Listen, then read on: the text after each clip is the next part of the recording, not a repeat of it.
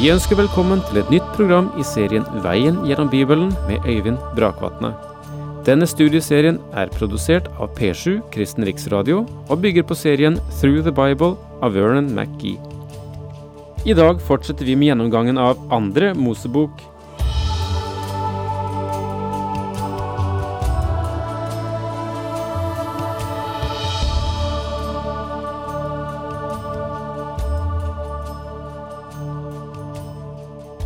Sist eh, så avsluttet jeg i annen Mosebok kapittel 21, og der vi leste versene 3 til 6, og jeg sa at i dette avsnittet ligger det et meget vakkert bilde som vi skulle se på i dag.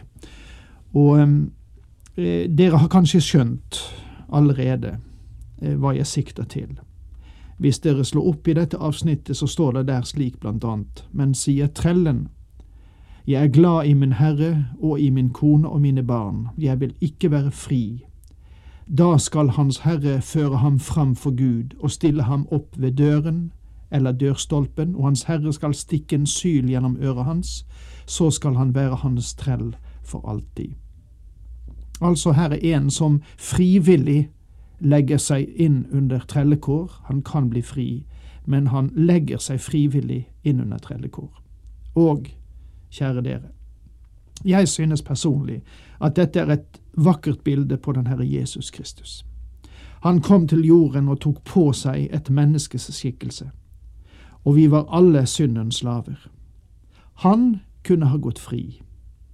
Han kunne ha vendt tilbake til himmelen, til sin stilling i guddommen, uten å gå gjennom dødens port.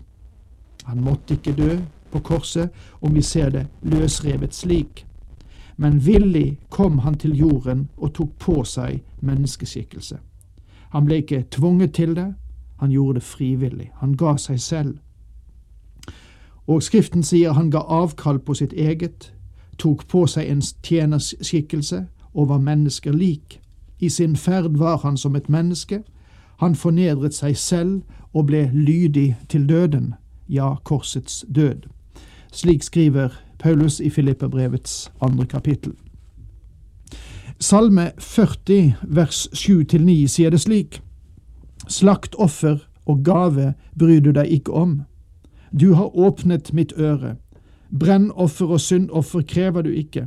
Da sa jeg, se, her kommer jeg. I bokrullen er det skrevet om meg, å gjøre din vilje, Gud, er min lyst. Jeg har din lov i mitt hjerte. Dette skriftavsnittet henviser til Kristus, og det vet vi fordi hebreerne kapittel 10 vers 5-9 sier oss det. Det ble oppfylt da Herren kom til jorden. Derfor sier Kristus ved sitt komme til verden, slakt offer og gave ville du ikke ha, men et legeme gjorde du i stand til meg.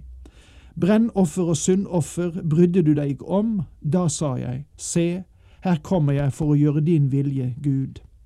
I bokrullen er det skrevet om meg. Først sier han, slaktoffer og gave, brennoffer og syndoffer ville du ikke ha, og brydde du deg ikke om, enda det er slike offer som bæres fram etter loven. Derefter sier du, se, her kommer jeg for å gjøre din vilje. Han opphever altså det som først er nevnt, for å la det andre gjelde. Kristus ble gjort lik sine brødre. Han valgte å ikke gå fri uten oss. Han kunne ha forlatt denne jord uten å dø, men han sa, Jeg elsker min brud, jeg elsker synderen. Så han ble lydig inntil døden, ja, døden på korset, så han kunne fri oss fra syndens slaveri. Hvilket bilde dette er på Kristus, plassert nettopp her, rett etter at de ti bud er gitt. Så kommer der en lovavdeling om forsettlig og uforsettlig drap, og det står slik, 2. Mosebok, kapittel 21 og vers 12. Den som slår til en mann så han dør, han skal bøte med livet. Dette verset er grunnlaget for den strengeste straff. Dette verset viser at budet du skal ikke slå i hjel ikke betyr at en statsmakt ikke har rett til også å råde over liv. Nasjonen Israel kunne henrette enhver morder. Og nå drøfter jeg ikke om hva som er rett i vår situasjon. Det vil vi få tid til å komme tilbake til senere. Men hvis han ikke har stått mannen etter livet, og det er Gud som har latt ham falle for hans hånd, da vil jeg fastsette et sted han kan ty til. Det var seks byer, fristeder, forskjellige steder i Palestina. Disse var opprettet på hensiktsmessige steder slik at en som var anklaget for drap, kunne søke tilflukt der inntil saken som han var involvert i, kunne bli avgjort. Vi vil se mer om fristedene senere. Når eh, en mann gjør en slik udåd at han dreper sin neste med svik, skal du ta ham, om det så er fra mitt alter. Han skal dø. Om et menneske begår et forsettlig mord, skal dette mennesket henrettes. Om et menneske dreper en annen i selvforsvar uten å forsettlig gjøre dette, skal dette ikke føre til henrettelse.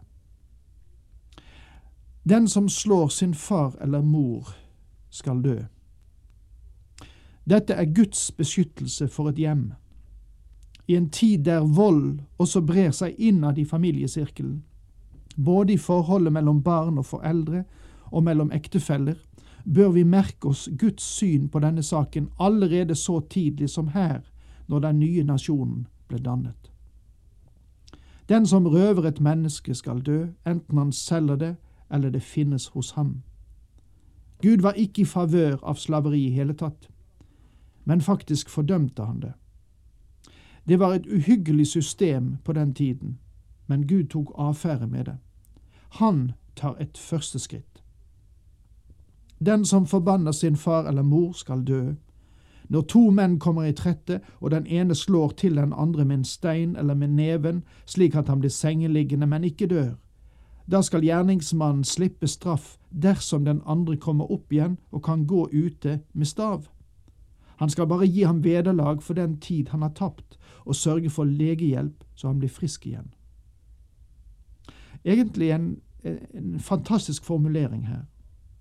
For med andre ord skulle den som var ansvarlig for skaden, også yte den skadede erstatning, både når det gjaldt hans tid og utgifter til medisinsk hjelp.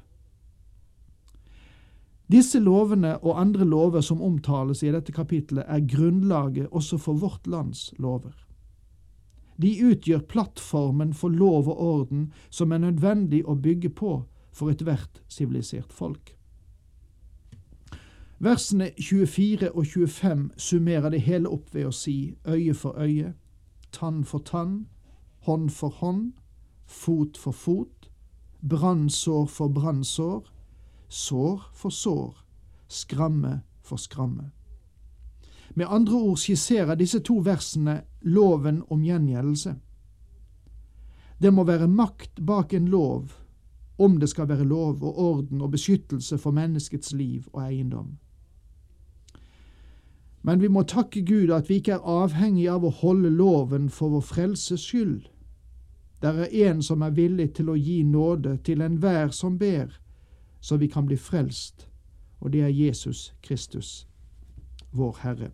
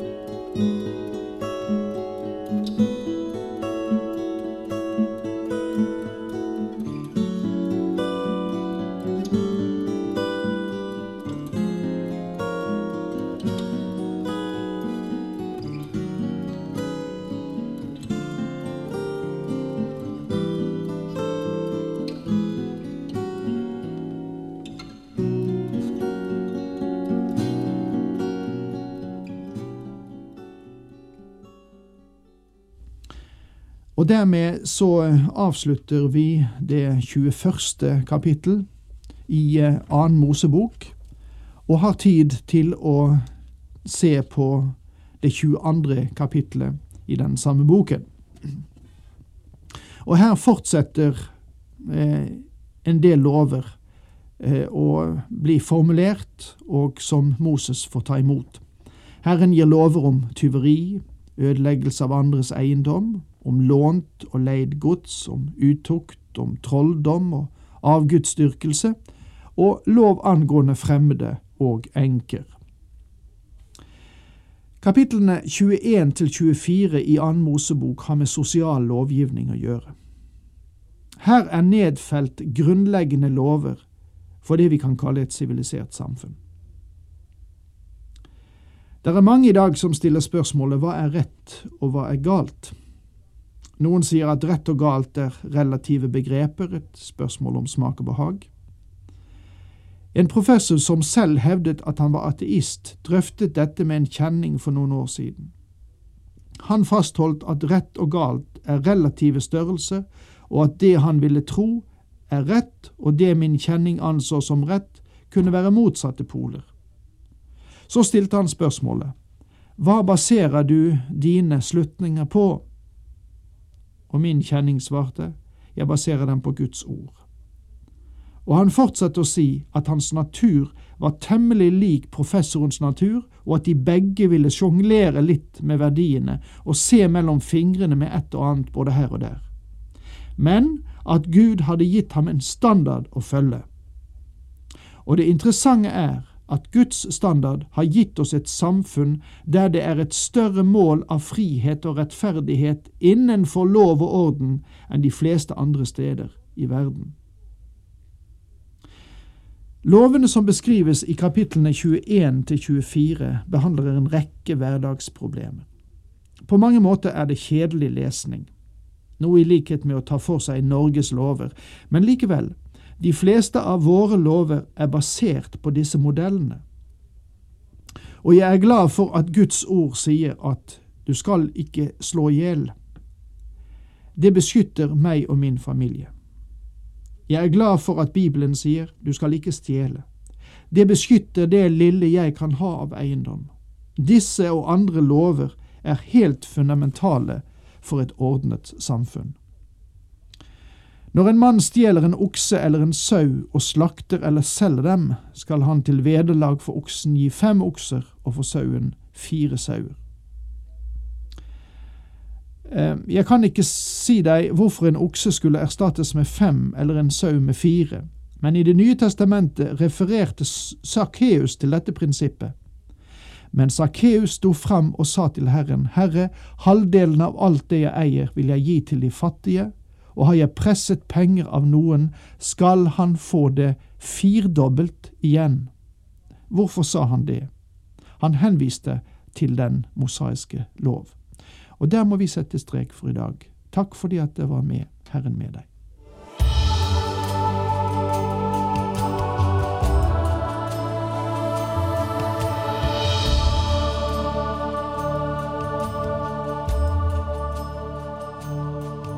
Du hørte Øyvind Brakvatne i studieserien Veien gjennom Bibelen.